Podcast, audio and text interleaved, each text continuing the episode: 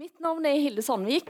Eh, jeg var kultur- og debattredaktør i Bergens Tidende da jeg skrev en eh, kommentar eh, om forføreren Finn Skårderud. Og Det er nok grunnen til at jeg sitter her i dag. og jeg tenkte at det er nødt til å begynne med å å, å, å, si det med en gang. Eh, jeg sitter ikke her som en hvem som helst debattleder, det kunne jeg ha gjort. Jeg leder mange debatter, men, men i denne samtalen her så har jeg altså en, eh, en posisjon. Eh, jeg skrev om det jeg oppfatta den gangen som et problematisk forhold til måten vi snakker om spiseforstyrrelser på.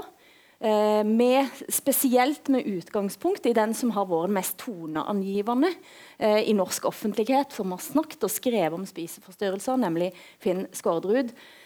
Og jeg skrev eh, Det siste året har jeg eh, begynt å stille meg spørsmålet hva om det er farlig, den måten å snakke om som jeg oppfatter som en idylliserende eller romantiserende måte å snakke og skrive om spiseforstyrrelser på. Spiseforstyrrelser er jo en, eh, noe som vi har hatt med oss veldig lenge. Og Hvordan skal vi tematisere? Hvordan skal vi i det hele tatt snakke om det øyeblikket der kroppen blir til kaos? Så er det et, her et uh, panel. Uh, svært sterkt panel, må, må jeg si, uh, som har blitt både flydd inn og løpt for å komme seg komme, finne fram til Litteraturhuset. Ingeborg Senneset uh, ytterst her, uh, som er kjent nå som uh, debattredigerer i Aftenposten, men har altså i mange år både blogga og skrevet om sin egen sykdom. Uh, og som nå kommer altså med ei bok som jeg har vært så heldig å få lese. Den ligger der på den Mac-en hvis vi skal bla opp til noen ting på, på et senere tidspunkt. En bok som heter 'Anorektisk bok', eh, som du skal få lov til å snakke, eh, snakke om. Eh, Eline Lund Fjæren, som har skrevet skjønnlitterært om det å ikke, ikke utholde en egen kropp, for å, for å sette det på spissen. Eh, og så eh, Katlin Rani Hagen eh, her, som skrev et innlegg i Klassekampen i Når var det? Februar. Februar. Eh, som handler rett og slett òg om myten, eller, eh, eller, å mytologisere sykdom. Med utgangspunkt i bl.a. Elines i bok, men òg Linnea Myhre.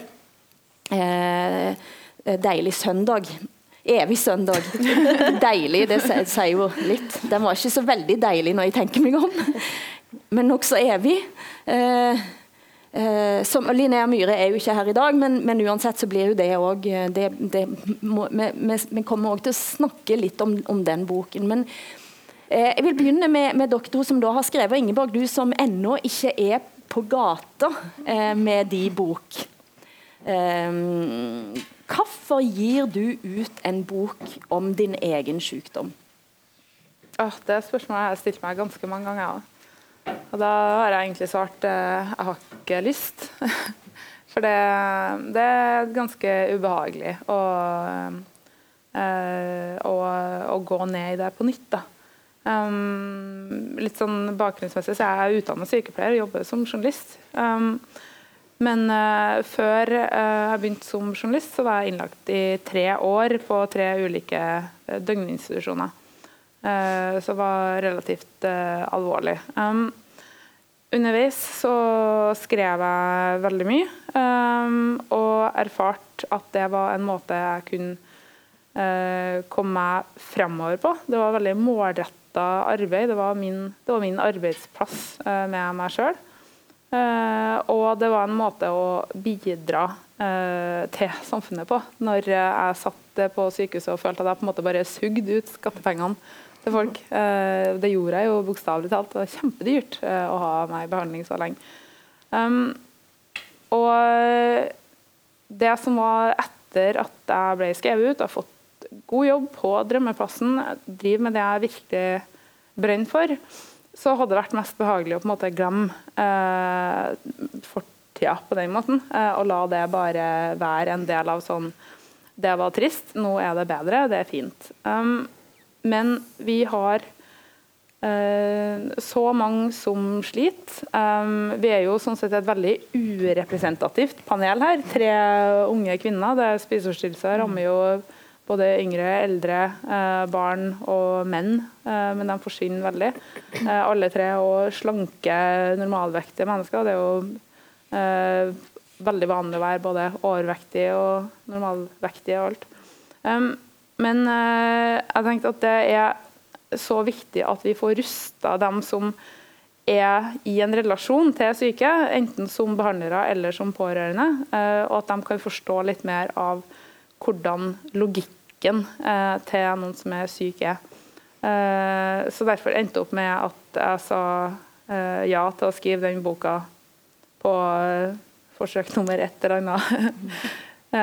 Fordi For jeg tenker at det der kan være nyttig for enten dem som jobber faglig eller bare har en relasjon til sykdom. Så jeg håper, jeg håper at det går den veien, men jeg ser òg at det er en del farer ved å skrive så inngående, eller beskrive den tankegangen. For den gir, jo, den gir, jo, mening for den som er syk. Og mens jeg skrev den, så ga den jo mening for meg. så jeg hadde ikke noe godt av å sitte og skrive den. Så, ja. og det, det, skal vi komme litt tilbake igjen til. Men Eline, du har jo valgt en helt annen strategi. Du, du, du har skrevet skjønnlitteratur. Mm. altså denne 'Klokken og sengen', som er et ganske klaustrofobisk stykke tekst. Eh, om ei jente som bare vaser rundt her i, i, Bergen sentrum og er egentlig kun opptatt av sin egen kropp og sin egen, sine egne følelser. Eh, hva var Du har jo òg din egen sykdomshistorie. Var dette din fortelling om det? Nei, og det var heller ikke et bevisst valg å skrive om akkurat det. Og jeg trodde heller ikke at jeg hadde skrevet om det, for jeg fikk eh, første anmeldelse i BT, tror jeg, så var det Overskriften var sånn 'skriver om anoreksi' eller et eller annet. Og det, det, skjønte ikke jeg at jeg hadde gjort, egentlig. Eh, for mitt prosjekt var jo å skrive om en ung kvinne som uh, har vanskelige relasjoner til andre mennesker, og som isolerer seg. Men så ser jeg jo i ettertid at det er flere ting som er problematiske i den teksten. På, på hva måte? Nei, det er relasjonen til mat, relasjonen til andre, relasjonen til seg selv. Um, og de spiller litt på hverandre, da. Mm. Um, og blir jo veldig synlig når hun er i dette ene rommet med seg selv. Mm. Så, men det var, ikke, det var, ikke, bevisst, og jeg tror ikke at jeg la merke til det nettopp fordi jeg var ganske sjuk selv da jeg skrev boka. Um, og skjønte ikke hva som kunne framstå som sjukt, eller For meg der og da så var det kanskje ikke det, da. Og hva ser du i ettertid var sjukt? Nei, altså det er jo det er en sur jente først og fremst som er i denne boka. Uh, hovedpersonen. Eh, og det sinnet rettes jo ut både mot andre og samfunnet, og også mot seg selv, da, først og fremst, egentlig. Men det er jo sånn som når jeg har prøvd å tenke hva, hva er det her som får folk til å tenke at det handler om spiseforstyrrelser, så ser jeg jo at det er visse scener, da. F.eks. så er hun i et basseng med en overvektig dame og får en sånn sinne sinneanfall i det badebassenget. Det er sånn type sinne retta mot overvektig, da. Eller eh, mennesker som unner seg det som hun ikke gjør. Um, og så er det vel noen um, noen scener med henne selv og mat, men det husker jeg ikke så mye av. Nei, altså, Det er jo bl.a. en scene fra en park da, der ei venninne som prøver å dra henne inn og ut i verden, har ordna til med sushi og boller og bestikk og alt mulig. Og den enorme irritasjonen over, over at du i det hele tatt skal sitte der og spise, eh, er, er, jo, tenker jeg, som som også har den erfaringen, så tenker jeg at det er jo ikke så veldig mange andre enn spiseforstyrra som blir sinte av at noen ordner til med sushi og boller i parken. det kan godt hende. Ja. Men jeg legger òg merke til en annen ting i, i boka di. Du beskriver Det tenkte jeg òg at vi skal komme innom, da, bare for å introdusere. Du, uten å tematisere det, så skriver du om tvang. Eh, og du siterer eh, ei danselærer som har sitert en forfatter på at du blir de tingene du repeterer. Mm. Og hva la du i det? Altså hun karakterene i boka lever i et veldig sånn rutineprega liv. Altså hun gjør stort sett det samme hver dag, står opp til samme tid, spiser de samme tingene. og liksom Alt er en sånn repeterende syklus, på en måte. Mm. Um, og det gjør jo at livet blir veldig snevert. Um, og ja, så det er egentlig det jeg tenkte på om det, at hun, hun ville ikke ha noe større, eller hun tør ikke håpe på noe større, og lever i den lille, snevre mm. tilværelsen sin. Altså Når en leser denne boka når en er frisk, så tenker en 'herlighet for et drittliv'. Eh, men, men, du Katlin, eh, leste denne boka med et litt annet eh, blikk? Ja, jeg leste den etterpå da jeg var frisk. Men jeg kjente igjen Det er jo ikke eksplisitt spiseforstyrrelser jeg tenkte på, men det ble isolasjon For det, jo, det, har man jo når man er syk, ofte. og de lukkede vanene, eller ja, de der vanene altså, man bare er for seg selv uh, og gjør akkurat de tingene om igjen og om igjen hele tiden. Så ja. Det, sånn som hun sa, da, Eline sa um, Det er jo ikke opplagt at det handler om spiseforstyrrelser, for det syns jeg heller ikke at den var. Men det er mer ja, vanen og isolasjonen. Mm. Mm. Men du var likevel kritisk. Du skrev i Klassekampen uh, Fortell, fortell du, altså, hva, hva, var artikkelen du skrev, og hvorfor gjorde du det? Jeg skrev den fordi jeg hadde tenkt på dette i mange år. Eh, på hvordan bøker om folk med spiseforstyrrelser påvirker folk som har spiseforstyrrelser eller ligger i fare for å få det. Um, at det kan være farlig å lese for de da, å lese om andre folk som har spiseforstyrrelser. I um, ja, og så hadde jeg diskutert dette her med en venninne som var helt Jeg har diskutert dette her med flere folk som har hatt spiseforstyrrelser, som er enig i at som lurer på hvorfor blir alle disse bøkene utgitt fordi de, det, er, det, er, en fare som ligger der. Og, og, det er ikke bare det at de kommer med tips uh, til spesifikke ting man kan gjøre når man, når man har spiseforstyrrelser, uh, og vaner og ting man kan spise og sånne ting. men også at det blir romantisert. sånn at Spiseforstyrrelsen fremstår som en, en, bra ting. Eller ikke bra, men at det er noe mystisk over det. Ja, romantisert, rett og slett. Kunstnermyten. Ja. Mm. Og, på, og, og, altså, når en leser denne boka, her, så skulle en jo tenke at eh, hvem er det som orker å leve sånn, da? Hva er det som gjør at en, hvis en er altså, i faresonen, kan oppleve dette som noe som en ønsker seg? Nei, Det er ikke godt å si, men ofte når du ligger i den faresonen, så er du jo langt nede fra før. Da. Ja. Så ser, man ser kanskje ikke forbi uh, dette her. Mm. Nei. Hva, hva, skulle du ønske deg, da? Altså, skal, en ikke, ikke skrive sånne bøker? Du, du, du skriver òg om Evig søndag, ja. mm. og du har vært litt i debatt bl.a. med Line R. Myhre. Uh, ja. hva, hva har responsen vært? Jeg har fått høre at, vil, at man kan ikke legge bånd på kunst og litteratur på den måten. Uh, og at beskyldt for å ville sensurere forfattere. Uh, det vil jeg absolutt ikke. Um, men jeg savner en litt annen mottagelse av noen av disse bøkene, istedenfor å bare hauste opp som bra at man legger ut om hvordan, hvor syk man var, og hvordan det var.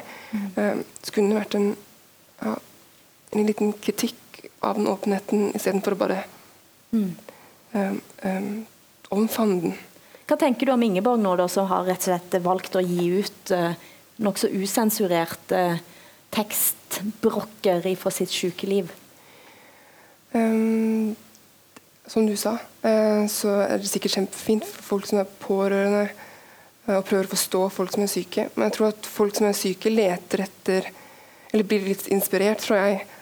Um, nå har jo ikke jeg lest boka di, men har fulgt med på den Instagram-kontoen din som følger hvor du skriver om boka. Um, og Der legger du ut mange bilder av deg selv da du var syk. Og som, Når man er frisk, så tenker man uh, at det at Man vil, vil, ikke se sånn ut, og man lurer på eh, hvorfor folk har lyst til å se sånn ut. Men når man er syk, så tenker man bare eh, Så tynn vil jeg også være. Mm. Hva tenker du om det, Ingeborg? Jeg tenker at det, det reflekterer mange av de uh, avveiningene som jeg står i hver gang òg. Der er jeg veldig i tvil om uh, er det her bra å skrive om, er det her bra å legge ut osv. Uh, og forsøke uh, i alle tilfeller, inkludert den Instagram-kontoen, at det er en uh, overvekt, pun intended, av bilder der du ser hvordan jeg er nå. Jeg legger ofte ut den storyen at jeg er til stede og ser vanlig ut. skulle jeg si. og har alltid et løfta blikk på det. For realiteten er jo at det er mange eh, som er syke, og det må, det må, snakkes om. Om jeg har funnet den perfekte veien, jeg har jeg garantert ikke, for det, den tror ikke jeg finnes. Eh, og jeg tror det er kjempeviktig at vi tar debattene etter hvert.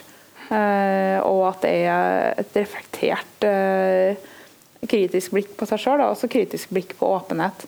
Eh, I 2015 så skrev jeg en kommentar der jeg egentlig uh, disse litt min egen uh, entusiasme for åpenhet rundt psykisk sykdom. Ikke bare spiseforstyrrelser, men generelt. Uh, fordi at det er veldig ofte at det er dem som har sykdommer som er litt mer sånn innafor. Det er, det er, innafor å ha angst også etter Kristine Danke, så er det innafor å ha panikkangst.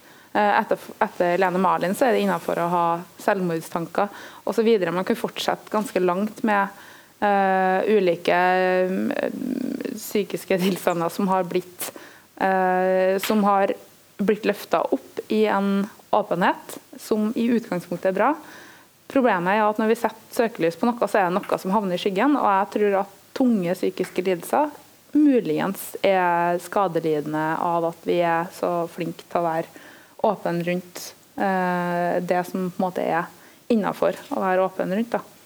Men Du sa jo òg innledningsvis her at ja, nå sitter en tre noen vil si veldig tynne jenter, eh, som, eh, og kanskje fire, som har, eh, som har hatt en sykdom, eh, og som er friske. Og er friske mer eller mindre, det, altså, det har ja. dere vært åpne om.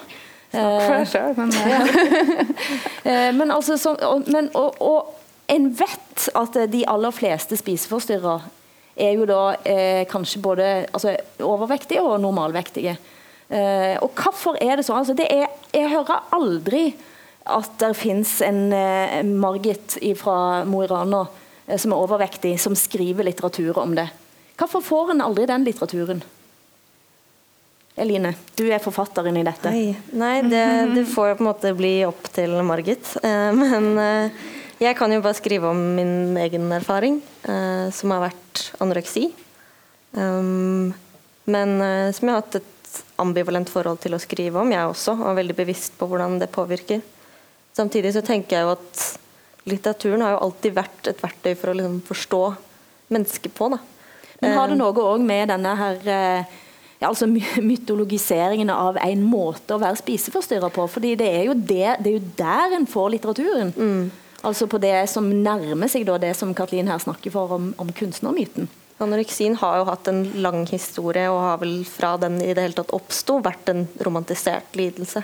Altså du har De første kvinnelige anorektikerne ble jo sett på som hellige og heltinner. og ja, Det var liksom askese, på en måte, som ja, Man prøvde å liksom oppnå en slags åndelig perfeksjon mm. ved å ikke spise. da. Og i da handla det mer om nettopp den åndelige perfeksjonen. Da. Nå har det vel glidd mer over i kroppslig perfeksjon. Mm. Men uh, at det alltid har vært en romantisert lidelse, det er jo sikkert. Du, du har en sånn lite Jeg la merke til i boka di, uh, så, så, er du altså der med heksene til Roald Dahl. Uh, der du da sier at du får plutselig et mer sympatisk forhold til de altså, Du lever deg inn i heksene. De der knoklefingrene i de der knoklehanskene som de holder opp Uh, og, da, og, da, tenker jeg også at denne her, eh, altså, Da har det gått ganske langt i identifisering med, med det liksom egentlig i utgangspunktet heslige. Mm. Ja, det husker jeg ikke at jeg har gjort selv, men det kan godt hende. Uh, det begynner å bli en stund siden jeg skrev den boka. Mm. Men uh, det som jeg prøvde å få fram i den boka så det det er en ganske ekkel bok. Det er mye sånn kroppslig kjipe ting som kommer fram i den boka. Mm. Og det var jo også bevisst, at det skulle ikke liksom legges skjul på noe heller. Mm. Så jeg håper jo at lesningen er sånn som du sa, at dette, dette er jo liksom dørgende kjedelig. Hvordan mm. skulle noen kunne ønske seg det her? Mm. Men Katlin, når du hører de snakke, eh, er du uenig i eh, perspektivene? I Nei, jeg er ikke helt uenig. Um, jeg er jo litt ambivalent angående dette her selv også, for jeg vil jo ikke at noe skal ties. Um, nei. Jeg skjønner veldig godt hva du tenker på også, for det handler jo litt om hvordan det pakkes inn, og hva man fokuserer på. Ja. Det jeg kan savne, er at det er mer fokus på de bakenforliggende årsakene, og ikke så mye de konkrete fysiske uttrykkene. Da. Mm. Men det er jo forskjellen på skjønnlitteraturen, um, skjønnlitteratur sånn som ja, 'Klokken og sengen' og rene memoarer av sykdomsforløpet. Mm. Uh, for i skjønnlitteratur, da, så blir jo uh, spiseforstyrrelsen blir jo Det er liksom ikke hele greia. Det er bare en ting som kommer i det store og hele som den boken handler om. Mens memoarer, da har man jo spiseforstyrrelsen som hovedtemaet. Mm. Um, ja, jeg syns det er litt forskjell på det. Men altså, hvis en tenker altså, jeg, altså min, Mitt utgangspunkt når jeg skrev min kommentar, var en opplevelse av at det som blir skrevet om og snakket om, veldig raskt sklir inn i en, i en myte. Eh, og at det dermed for den syke oppleves som et sted å være. Altså skille mellom å være spiseforstyrrer som identitet, og det å ha en spiseforstyrrelse, som er jo mer av å ha en sykdom. Eh, jeg ser at du Ingeborg, opererer også med det i din bok. At du skiller mellom å være og å ha. Eh, var det bevisst? Ja, det tok jo meg ganske lang tid før jeg klarte å gjøre det skillet. da. Og det skillet var for meg nødvendig for å komme videre. Eh, for jeg oppfatta meg selv veldig i perioder som at jeg på en måte var eh, at det var min identitet. da. Men det, jeg hadde vært syk i veldig mange år siden jeg var liten. liksom. Eh, men en, en, ting jeg føler at vi står litt i stampe på her vi sitter her nå, at vi eh, behandler en ganske alvorlig sykdom som det er noen ting som noen på en måte velger fordi at de nesten kjeder seg litt. Mm. Det er ganske mye mer alvorlig enn det. Eh, jeg tror vi skal vokte oss ganske vel for at, det, for at vi ikke sjøl sitter her nå mm. og underbygger den myten. Da. Mm. At det er sånn her når noen blir 13 og er litt utafor på skolen, så går de hjem og tenker at nå skal jeg få anoreksi litt. Mm. Det er jo ikke sånn det mm. fungerer. Mm. Det er jo en alvorlig sykdom som jo har ulike årsaker ut fra hvem som har blitt syk. Og jeg tenker at Hvis, eh, hvis vi, noen av oss da har klart, eh, til en liten grad i hvert fall, å fremstille hvor eh, jo, kjedelig og trist og hvor stygg du blir og så videre, eh, og hvor veldig mange ønsker seg ut av den tilstanden, eh, så bør vi jo ha det perspektivet at hvis noen er et sånt der sted, hvis de har valgt å være der, hva var alternativet de valgte seg bort ifra? For Det er jo akkurat den biten vi må være mer bevisst av. Det er jo den biten som må fikses. Eh, hvis at sykdommen er en løsning, så må vi jo gjøre noe med problemet. Fortell litt om din eh, fordi det er, altså Den boka du har skrevet, som jeg da har lest, den er veldig rå. Brutal rå. Jeg kalte den eh, på Facebook i går en slags eh, rekyl av utestengt og innestengt kropp. Jeg skulle ønske jeg kom på den metaforen sjøl. Den var kjempegod. ja, men hvorfor var den god, da? da nei, for det er, det, er, noen ting som slår så hardt tilbake på deg. Fordi på en måte du bruker det som noe å overleve med. eller noe sånt. Uh, det, er en, det er en slags livbøye som du legger deg oppe. bare det her er jeg faktisk nødt til å ha. Og så opplever du sakte, men sikkert at den bare snurpes rundt og kveler deg. Mm. Og det er sånn, du har, eh, du har, på en måte ikke sjans verken med eller uten sykdommen. Mm. Uh, du er nødt til å ha flere på laget ditt. da. Det forhåpentligvis kommer godt fram. for du klarer på en måte ikke å På samme måte som du ikke bare hopper inn i en sykdom, så får du i hvert fall ikke hoppa ut. Og det er en sånn nedadgående Du kan på en måte ikke Jeg tror at veldig mange som er syke, har lyst til å ivareta litt av sykdommen. Eh, fordi at det er en slags trygghet, og det er en slags, eh, eh, en slags mental sutteklut. og, så, er det så vanskelig å på en måte få komme seg videre hvis du skal ivareta det. Uh, jeg svarer ikke på spørsmålet ditt nå, det hører jeg, men det var fordi jeg syns det var et godt og vanskelig spørsmål. Men du, du, du, du, holdt jo på å dø? Et par ganger, ja.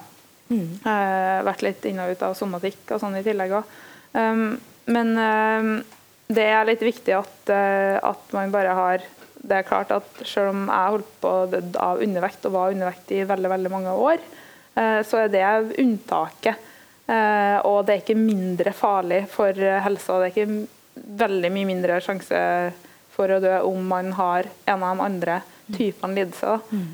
for det blir ofte et sånn automatisk hierarki der man tenker at anorektikeren er den sykeste, og så lever ikke den nest ikke sant, så overspisende som er minst. Det er, bare, det er bare tull og myte. Og det er sånn som hvert fall vi bør ta litt ansvar for å få løfta eh, hver gang vi snakker om det, og si at vi kanskje ikke er så gode eksempler, f.eks.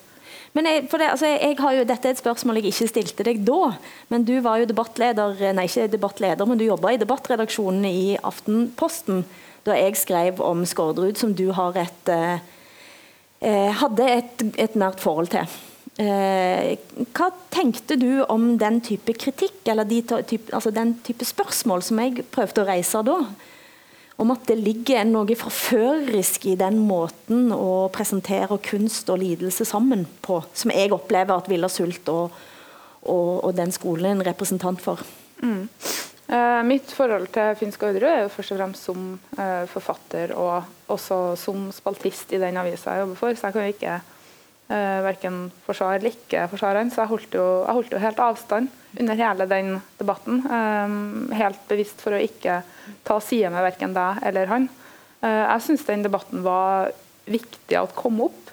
Uh, og jeg tenker at den på en måte den fikk egentlig ikke den fikk ikke komme til noe sånn ordentlig punktum, følte ikke jeg. Det hang litt mer igjen der. jeg skulle jo jeg skulle gjerne sett dere i et panel ta de diskusjonene. Eh, så jeg skulle ønske at han kunne f.eks. invitert deg til Villand, og så kunne dere tatt den diskusjonen med eh, en ledelse. For det at det er eh, de spørsmålene du reiser da, er veldig relevant. Og de må, det må drøftes om vi klarer å formidle noe rundt sykdom uten i stor grad å på en måte drive og smitte folk. Da. Jeg tror ikke at det er mulig å få det fullstendig til. Eh, jeg klarte jo ikke å drive og holde på med mitt eget stoff engang. Så jeg, ganske, jeg har mye kvaler med å gi det ut overhodet. Ja, hva har skjedd mens du har jobba med ditt eget stoff? Um, jeg har, eh, jeg har jobba noe parallelt mens jeg har jobba i, i, redaksjonen i Aftenposten pga. at jeg tenkte at jeg kan rett og slett ikke ta permisjon og bare jobbe med det her. Um, for da uh, Det er ikke bra for meg, da. Jeg må, jeg må, ha noe å gå til og en sånn hverdagslig rytme der jeg møter andre folk som ikke er eh, så ko-ko som jeg var. Eh, på hvert fall ikke på akkurat det, da. Det er ymse. Men eh, å være det vil jeg si. Ja, ja, men, eh, men, eh, det å være i verden og være, å holde på med det jeg er engasjert i, da, eh, og det jeg bryr meg om, som ikke handler om, om meg, og ikke handler om, om kropp, og som ikke handler om eh, et sånn innadfokus. Det har vært kjempeviktig for meg. Men eh, likevel, så uh, selv om det var få timer hver dag jeg jobba med det, så hadde jeg en følelse av å liksom bli smitta av mine egne tanker. Eh, og streve veldig med å på en måte komme meg ordentlig ut av det og måtte ta lengre oppbrudd. Lest igjen veldig mye bøker som er overhodet ikke relatert til det her, men som er viktig for meg, bl.a. om andre verdenskrig. La oss veldig mye om det. Eh, ting som, eh, som, på en måte får meg ut av, eh, av det der bitte lille perspektivet som er eh, den spiseforstyrra verden. Mm. For den er jo sinnssykt sjølopptatt. Ja, det er der du har Eller sånn, du har eh, Det er et godt eh, begrep fra ei dame som dessverre er død nå, men som heter 'In the midst of events, there is no perspective'. Mm. Og det er sånn Du står midt i en sånn her Enten den der stormen som er litt mer sånn eh, overspisingsprega eller oppkastprega, eller den der helt sånn tåka som er litt mer anoreksiprega, som jeg opplever i hvert fall. Der du står midt i noe, og du har null liksom, perspektiv på eh, hva det er som egentlig teller, og hvorfor du er der. Hva det er som gjør at du står midt i det. Eh, jeg gikk rundt og i hvert fall da jeg var som syke, så skamma jeg meg ekstremt mye over å være syk, for jeg visste jo Det var ikke som at jeg ikke visste at det var opptakt til krig i Syria. Da var jeg fortsatt innlagt mens, den, eh, mens opptakten var. Eh, og var med og starta den hashtaggen 'Norway for Syria', og syntes det var kjempeviktig. Og et kvarter etterpå så sitter jeg og stirrer på fire, brød, nei, fire halve brødskiver og tenker bare det her er faen meg det vanskeligste i hele verden. Så sånn, det er så absurd. da, Der du på en måte har et sånn du vet at andre ting er så uendelig mye viktigere enn deg sjøl, og så likevel så er det så vanskelig at du kommer overhodet ikke over noen sånne kneiker. Og det eh, Jeg tror ikke det er på en måte mulig å, å, å både skulle sitte og sette seg inn i det for å jeg vet ikke, eh, For meg var det i hvert fall ikke mulig å prøve å forstå meg sjøl eller gjenta mine egne tanker uten å liksom bli litt fanga i dem på nytt. da.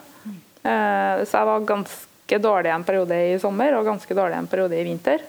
Eh, og så må jeg bare dra meg opp ifra det på nytt og på nytt. da. Så derfor er det litt da du sa det der vi sitter fire folk som er friske. Jeg bare ha-ha. Deg om det, liksom. For, for, jeg prøver å ikke forholde meg så mye til ordet frisk, for da setter jeg i hvert fall en ny sånn ganske uoppnåelig ting for meg. Mm. Um, og heller forholde meg til at jeg klarer å gjøre mest mulig friske ting. Uh, ja.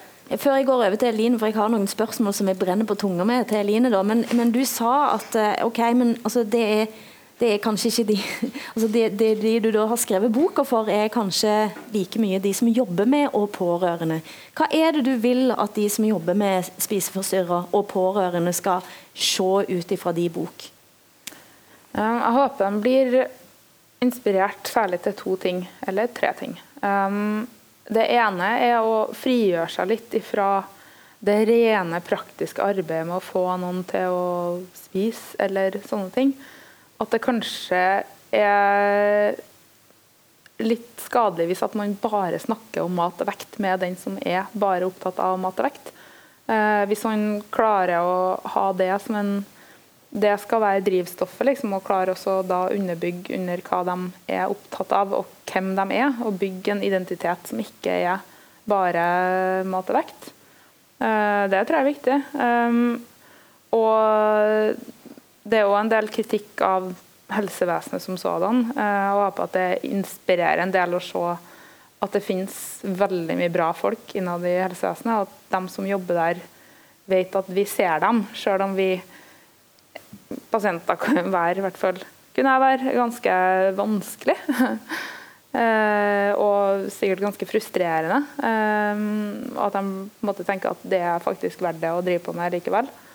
Eh, og så håper jeg at det eh, kan eh, gjøre at det er noen som tar sjansen på det å prøve å gjøre litt mer uh, ting i verden, og ikke bare i sin egen verden.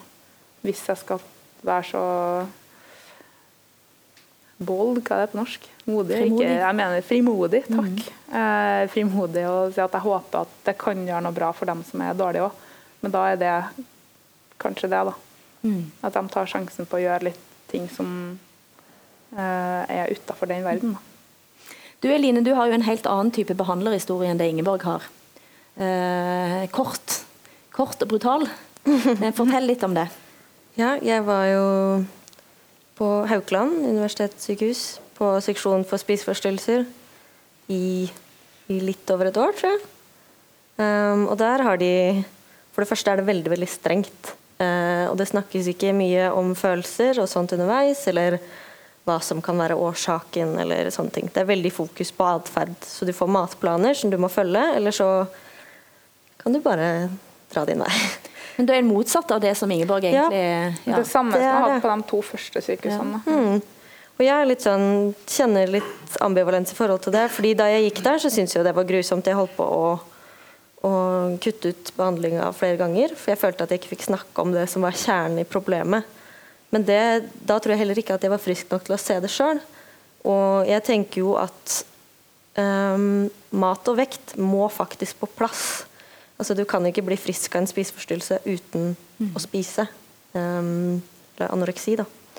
Så både med tanke på hvordan hjernen din forandrer seg hvis du er undervektig, og ja, hvordan du ikke kommer deg ut av de her rutinene, f.eks. Um, så du må komme deg opp på en god vekt, og da går det an å jobbe litt annerledes etter hvert. Hvordan vil du tro at hvis, Nå har ikke du lest Ingeborg sin bok, men ut ifra det hun nå sier, hvordan ville du oppleve å lese en sånn tekst eh, når du var på vei inn i sykdom, eller var i sykdom? Det er vanskelig å si. Jeg leste jo litt av Ingeborgs tekster um, da jeg var syk selv. Uh, hun hadde en blogg, var det vel? En sånn type dagbok fra, fra Og jeg tror ikke at det Jeg tror Først og fremst så tenkte jeg at dette er en person som er god til å skrive. Um, og ikke noe jeg la sammen med at hun var anorektisk. Men jeg tror ikke det påvirka meg i noen god retning, at jeg ble friskere. Uh, men det er jo heller ikke derfor jeg leste det. Så, ja. Men du er, du, du er, ikke helt enig med Ingeborg i at eh, det å, å la være å snakke om mat og vekt eh, vil være en bra ting? Nei, det er jeg ikke. Jeg tror uh, det er, altså, det er en veldig viktig del av det, selvfølgelig. Mm.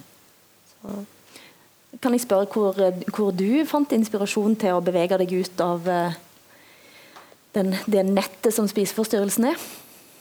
Det var også å se litt utenfor meg selv og alt som handler om meg, men å bry seg litt om andre ting. Um, det høres kanskje litt dust ut, men jeg begynte å bli veldig opptatt av miljøvern der jeg holdt på å bli frisk. Mm. Uh, og det hjalp, fordi det handlet om noe annet enn meg selv. Mm. Det er ikke mm. dust. Jo. Det er råbra. Herlighet. Altså, kloden holder på å smelte. Takk til deg. Det, I så fall vil jeg gjerne at flere skal være duster. Altså. Jo, ja til flere duster. Ja. Men har du, skrevet, har du skrevet noen ting om det sjøl, bortsett fra den artikkelen du skrev i Klassekampen? Om spiseforstyrrelser? Mm. Uh, nei, det tror jeg det tror jeg er den eneste teksten, bortsett fra at jeg har skrevet litt om det på bloggen. men det er jo nesten ingen som leser. Mm. Så, mm. Hva type, tekst, eh, altså, hva type tekst tror du kan eh, både appellere altså både til den, eh, til den syke og den, til den friske? Eh, om noe så komplekst, og kanskje som, som, det er en tvangslidelse som dette er? Ja, altså både den syke og den friske. Mm. Det er ikke helt Det er ikke Nei, jeg vet ikke. Nei. Nei. Uh, for jeg skjønner ikke helt hva som kunne vært en god tekst for den syke. Um, fordi jeg vil si at absolutt alt det jeg leste om spiseforstyrrelser da jeg hadde det, det bare var Det var Hva heter det? Brennstoff. Brennstoff. Mm. Mm. Jeg leste veldig lite om spiseforstyrrelser da jeg var på det sykeste, fordi at jeg merka at det her det her kan jeg Jeg kan ikke drive på og lese det, liksom. Uh, så blogger og sånt, og var lite innom det, annet enn dem jeg på en måte hadde nesten et sånt slags mentalt godkjent stempel på. Hvis det var noen som jobba for å bli frisk, så syns jeg det var deilig at man på en måte backa hverandre. For det var, et, det var et veldig mye mindre miljø av, eh, av eh, bloggere da jeg starta, enn hva det er nå, når alle egentlig er bloggere. Um, Uh, og ikke til forkleinelse for noen, det. Men uh, uh, da var det en ganske sånn hard internjustis òg.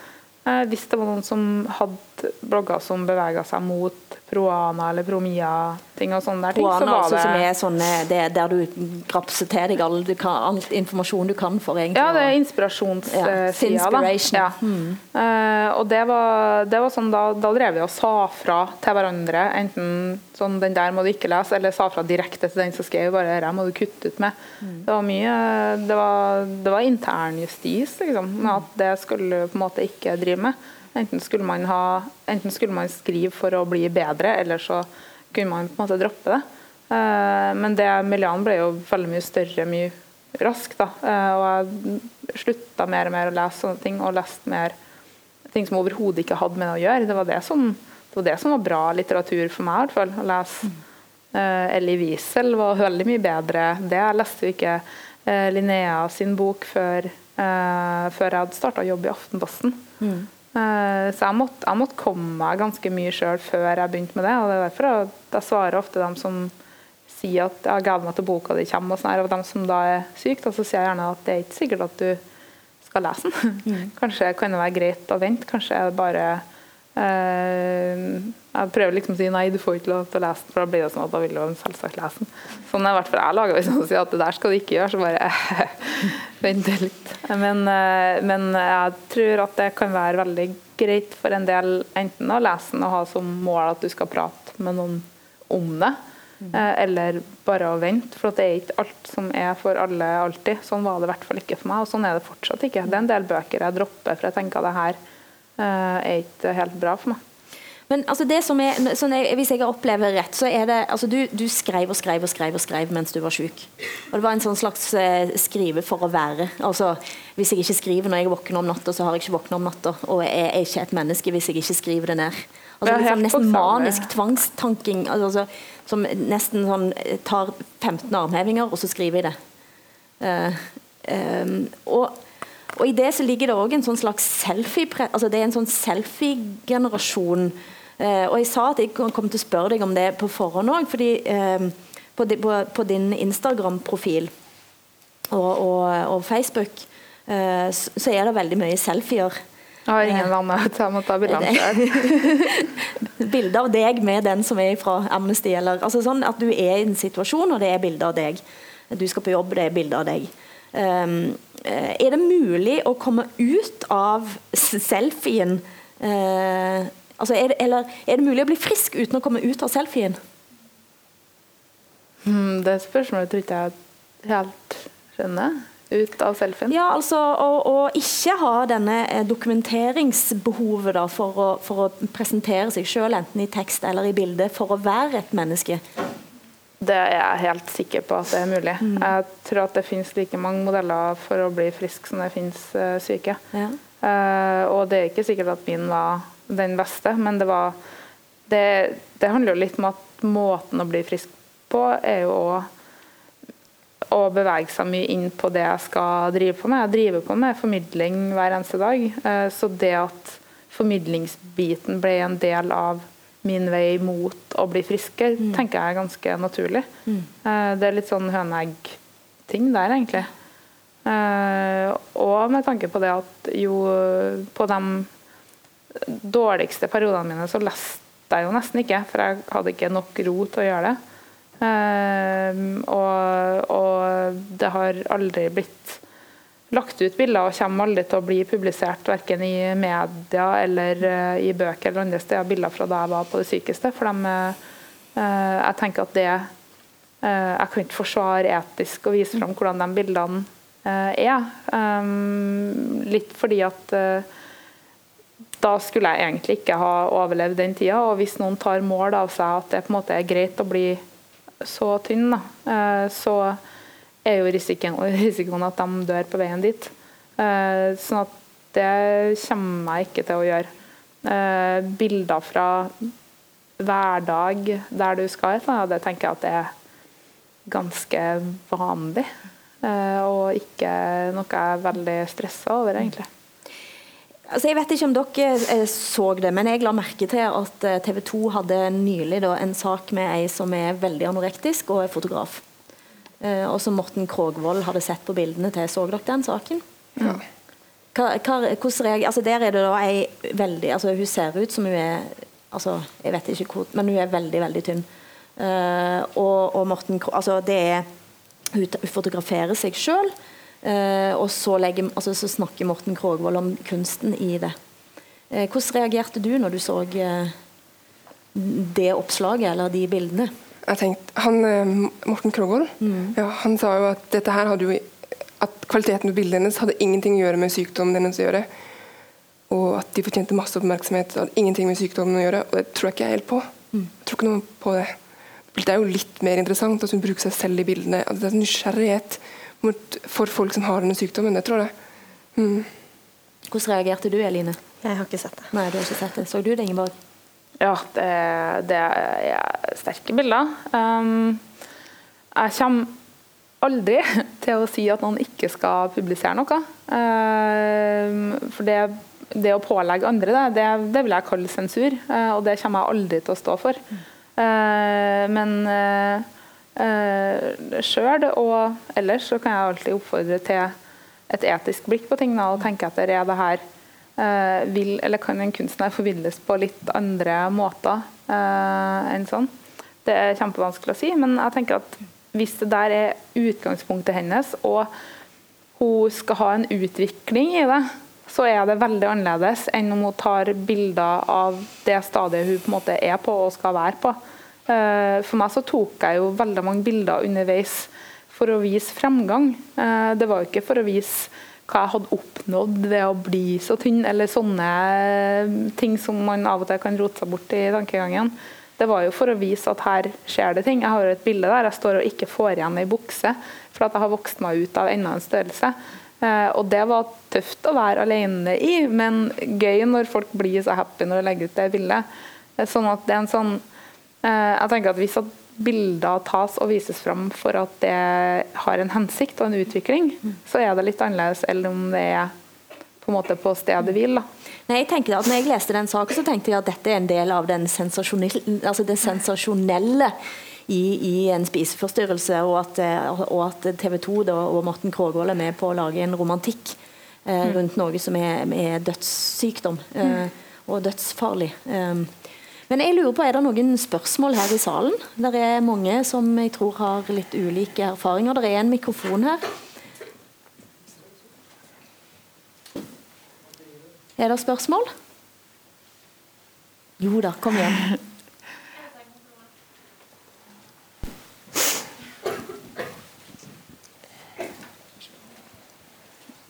Du kan si hvem du er òg, kanskje? Jeg heter Mathea. Um, jeg bare lurer på um, I forhold til det du sier om bilder og sånn Tror dere at i forhold til den Instagram-verdenen som vi lever i, at hvis man legger ut et bilde av det man har oppnådd, selv, eller der man liksom er, selv om man går videre, tror du ikke at det på en måte kanskje kan være litt sånn triggende? Fordi man har jo f.eks. Eller jeg vet jo f.eks. med min Instagram-profil at det er mange som At jeg har mange som følger meg, og mange som ser opp til meg, på en måte. Og så bare lurer jeg på om ja, det blir litt feil, eller at folk kanskje ønsker at man skal være sånn eller sånn. Ja, tror du det, kan trigge, tror du det kan trigge at folk våger å bli bedre, da? Nei, men at hvis man er veldig syk, da At man har lyst til å bli tynnere eller har lyst til å bli sånn eller sånn. Jo, jeg er helt sikker på at det kan eh, være dårlig for noen. Ja. At det kan være skummelt? Ja, det som sagt, kommet... jeg er veldig sikker på at det kan være skummelt for noen. Hvis ikke man har kommet på et sånn visst sted, da, på en måte. Eller altså Er veldig bevisst på hva man gjør. Vet ikke. Jo, som sagt så tror jeg det er, det er å balansere på en knivsegg. At det teller veldig mye både hvilke bilder du velger, hvilke situasjoner det er, og hva du skriver, eh, ikke minst. Eh, og som sagt så er det en god del bilder som jeg har valgt å aldri publisere, fordi at uansett hva jeg skriver ved siden av, så kan noen alltid ta en skjermdump og bruke bare bildet, eller bare gi blaffen i det som står òg. Eh, så det er mange bilder jeg i hvert fall velger å ikke legge ut. Bare for dem som ikke har sett den Insta-kontoen, så er ikke det en haug med bilder da jeg var syk. Altså. Det er noen bilder av det, og så er det eh, en god del eh, helt andre ting som ikke har kropp på. altså Det er den anorektisk bok-Instagram-profilen, eller din egen? Ja. Mm. ja. nei, min egen er nesten bare selfier og massevis av bøker. Mm. og i dag så er det vel Syria. Ja. Mm. Jeg bare at veldig mange av de som følger meg, det, altså, det de legger ut, er, kan være veldig triggende for mange andre. Men hva tenker du om Eller hva tenker du om den kulturen, på en måte? Eller den kulturen som er nå? Det, det er jo, det er jo 13-14-15-åringer, liksom. På Instagram akkurat nå så er den mest urvne kulturen jeg ser. Um, og der finnes det mange ulike, og alle skal ikke uh, dras over en kam her. Men uh, fitnessgjengen bør sette seg ned og ta en prat snart. Uh, for der er det absurditeten lenge leve. For det er en sånn slags ordentlig solbrun pro-ana-ting som er blitt kjempe innafor og får masse masse likes. for det er sånn her jeg skal være med i NM i eh, undervekt med muskler under. Sånn, det, har, det, har, vært en sånn veldig merkelig utvikling der. Eh, og fitnessmiljøet er noe som man gjerne kan prate litt mer om. Mm. Eh, der syns jeg det er mye beint ut uetisk og ganske hestig en del plasser. Men det handler mest om at jeg blir så sjokkert over at det er sånn nei, ved siden av før-etter-bildet, der du har eh, utstående blodårer. Det er, på en måte, det er veldig åpenbart eh, usunt. Eh, eh, og jeg kjenner en del folk innad i miljøene som, eh, som forteller om at de matbildene de driver og legger ut, og sånn, det, er, det er ganske mange som Eh, både kaste opp den maten eller aldri spise den maten, men vise fram fordi at det er kult å vise fram den maten. Eh, og så stiller de på bildet etterpå med superundervekt og i bikini.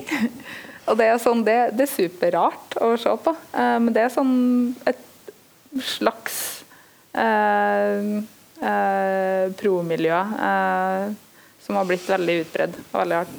Um, men det er ikke for å snakke bort fra mitt eget ansvar, altså, for jeg mener at alle må ta og gå veien via seg sjøl først.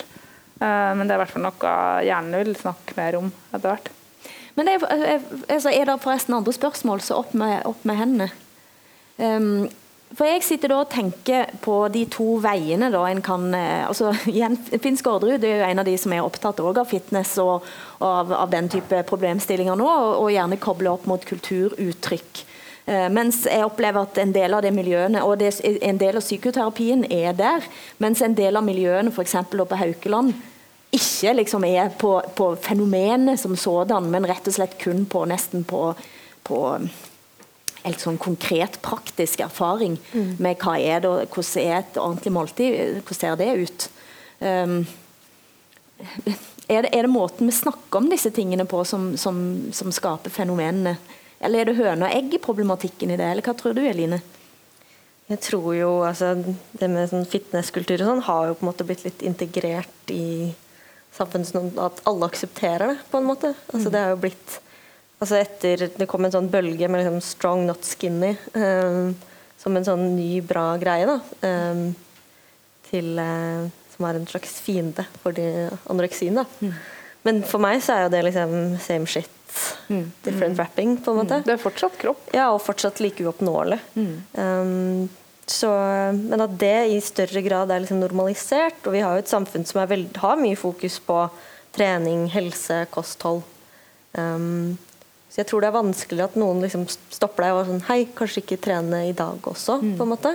For det er mer akseptert. Mm. Så det syns jeg er en skummel uh, utvikling. Et spørsmål til. Ja, eh, heter Anna.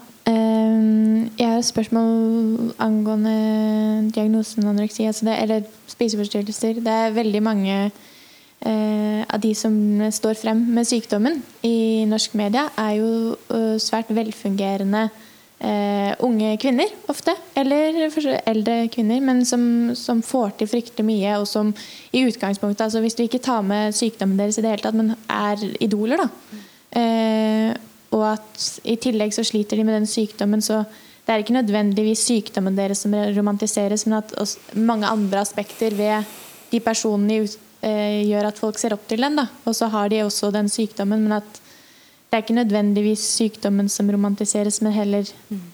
at det er masse flinke, flotte damer som ja, de har det til felles, men at eh, ja, at på en måte deres rolle i utgangspunktet fører til at man kan si at det er sykdommen deres som romantiseres, men at ja. Jeg vet ikke om jeg mm. formulerte meg veldig presist, mm. men at i hvert fall veldig mange av de kvinnene som står frem med eh, spiseforstyrrelser At det er en sånn vellykka altså. Ja, de er veldig vellykkede i utgangspunktet, ja. og så har de det til felles. da, Og om mm. det er noe ja. grunn til det. Hvis det er noen som kan idolisere eh, det at uh, jeg syns Dagsnytt 18 er et utmerket program som flere burde se på, uh, og at uh, jeg mener at vi alle bør se på hvor mye vi har råd til å gi til veldedighet, og at jeg mener at vi må følge med på verden rundt oss. Hvis de bitene blir idolisert, så, så, vil jeg gjerne være med på den uh, idolbiten, hvert fall. Men, men altså, jeg, det, det, sånn som jeg opplever da spørsmålet, så, så, går det på et vis òg på hele pakken. Og jeg vet jo altså Jeg har snakket med psykiatere som har lest eh, vitnesbyrd fra tidligere pasienter eh, og sagt at altså, dette, er en, dette, er en, idealberetning om, eh, om pasienten. Og vil en ikke alltid gi en sånn jeg-fortelling, uansett hvor bedriten en er, og langt nær en er, så vil en, er nesten umulig å komme ut av en historie uten å være helt i sin egen fortelling? Eline? ja, nei, men Det er jo det som er fint med å skrive litteratur også. At det er et sånt rom hvor du kan stille en del spørsmål, og du kan ha kontroll på en eller annen måte. Eh, men så tror jeg at mange som har denne sykdommen, romantiserer mye selv. Eh, rett og slett fordi det er en måte å leve i det på. Mm. Um, en slags unnskyldning, eller? Ja, ja, en måte å liksom kunne overleve det, på en måte, og kunne fortsette det. Um, men da tenker jeg også sånn Hvis man skal skrive, da, som er det jeg gjør, om, uh, om det å ha en spiseforstyrrelse, på samme måte som jeg ville skrevet om en alkoholiker, så må jeg også skrive om gleden ved å ruse seg. Mm. Og det samme med gleden i å sulte seg, for det er faktisk noen ting, selv om det er veldig lite. Mm. Um, ja, Du har jo en identitet, og det kan du si, altså det, det, mm. gjør det litt spesiell da, hvis du mm. kan si at den har en eller annen slags form for diagnose. Ja, Det er jo en fantasikonstruksjon som bare pågår. på en mm. måte. Mm. Flere spørsmål? Der var det. Der og der. Ja, det var meg først. Ja. ja Olav Legreid, eh, advokat og tidligere dommer i Trygderetten. Jeg har nå litt kontakt med Ingeborg fra tid til annen i det mm. offentlige rommet.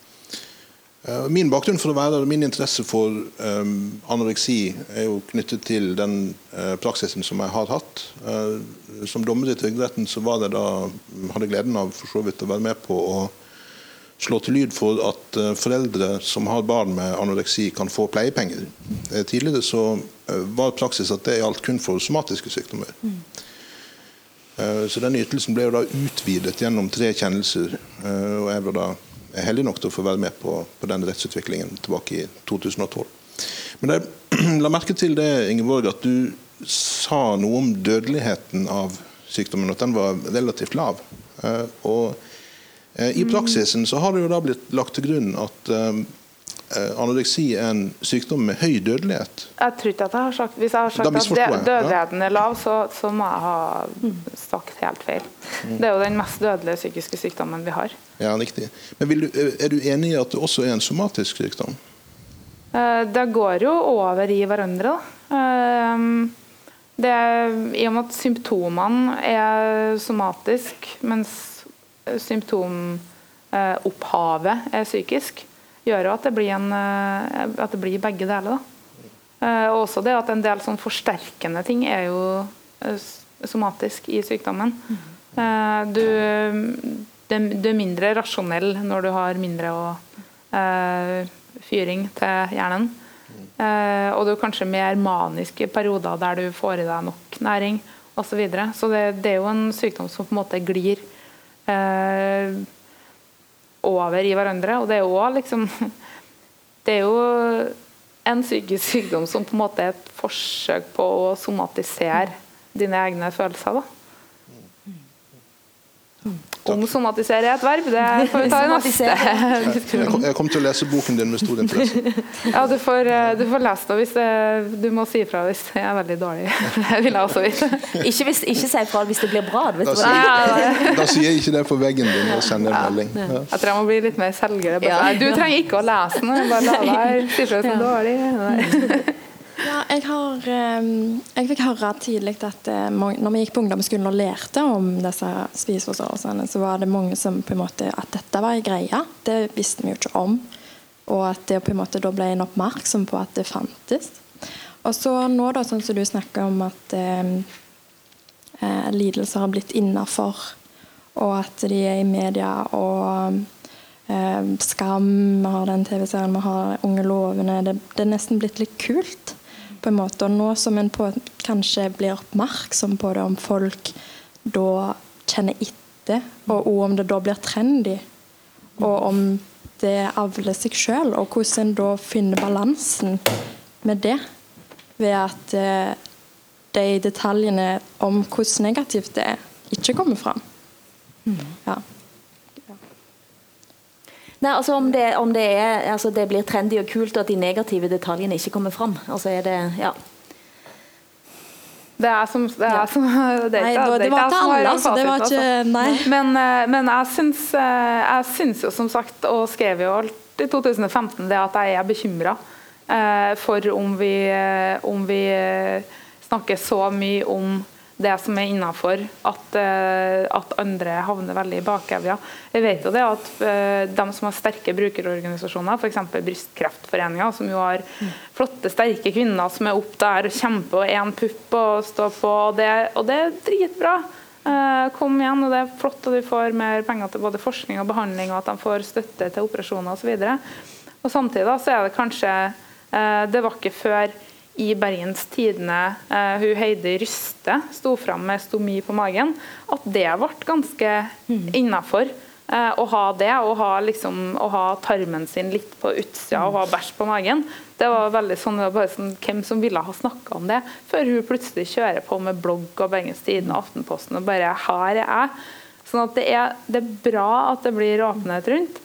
Uh, og samtidig så må det hele tida være et sånn slags samfunnsansvar da, å dra med seg dem som ikke er like innafor. Altså, den dama på trikken som stinker litt urin, eller uh, den mannen som du møter på på gata og bare dulter bort det, og så har han plutselig forsvunnet. Han skal kanskje sitte og grine et eller annet sted, men så har du bare tenkt at det er en frekk, eh, overlegen fyr osv. Det er mange som, uh, som, sliter som vi ikke ser, da, fordi at de er ikke forsidemateriale. Mm. Og tenker det i hvert fall ikke sjøl at de er det.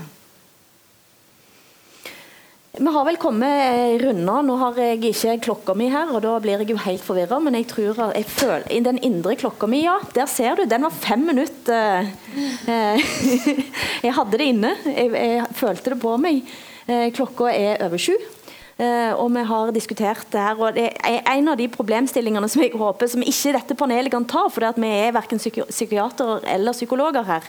Uh, men i forordet til boka di Ingeborg, så skriver Skårderud at psykoterapien er det som desidert har best uh, effekt. og Det tror jeg at det er ganske mange miljøer her i dette landet som kunne tenke seg å diskutere om det er, om det, er det, som er, er, den, er den beste redningen for å bli frisk. da. Mm. Jeg vet iallfall at det er miljøer her i Bergen som vil protestere på det.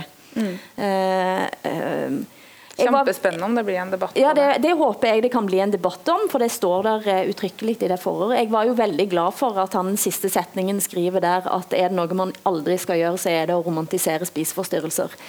Så tenkte jeg at det var jo fint å se. Men eh, tusen takk eh, til publikum, og takk for spørsmålene, og tusen takk til panelet. Takk til deg.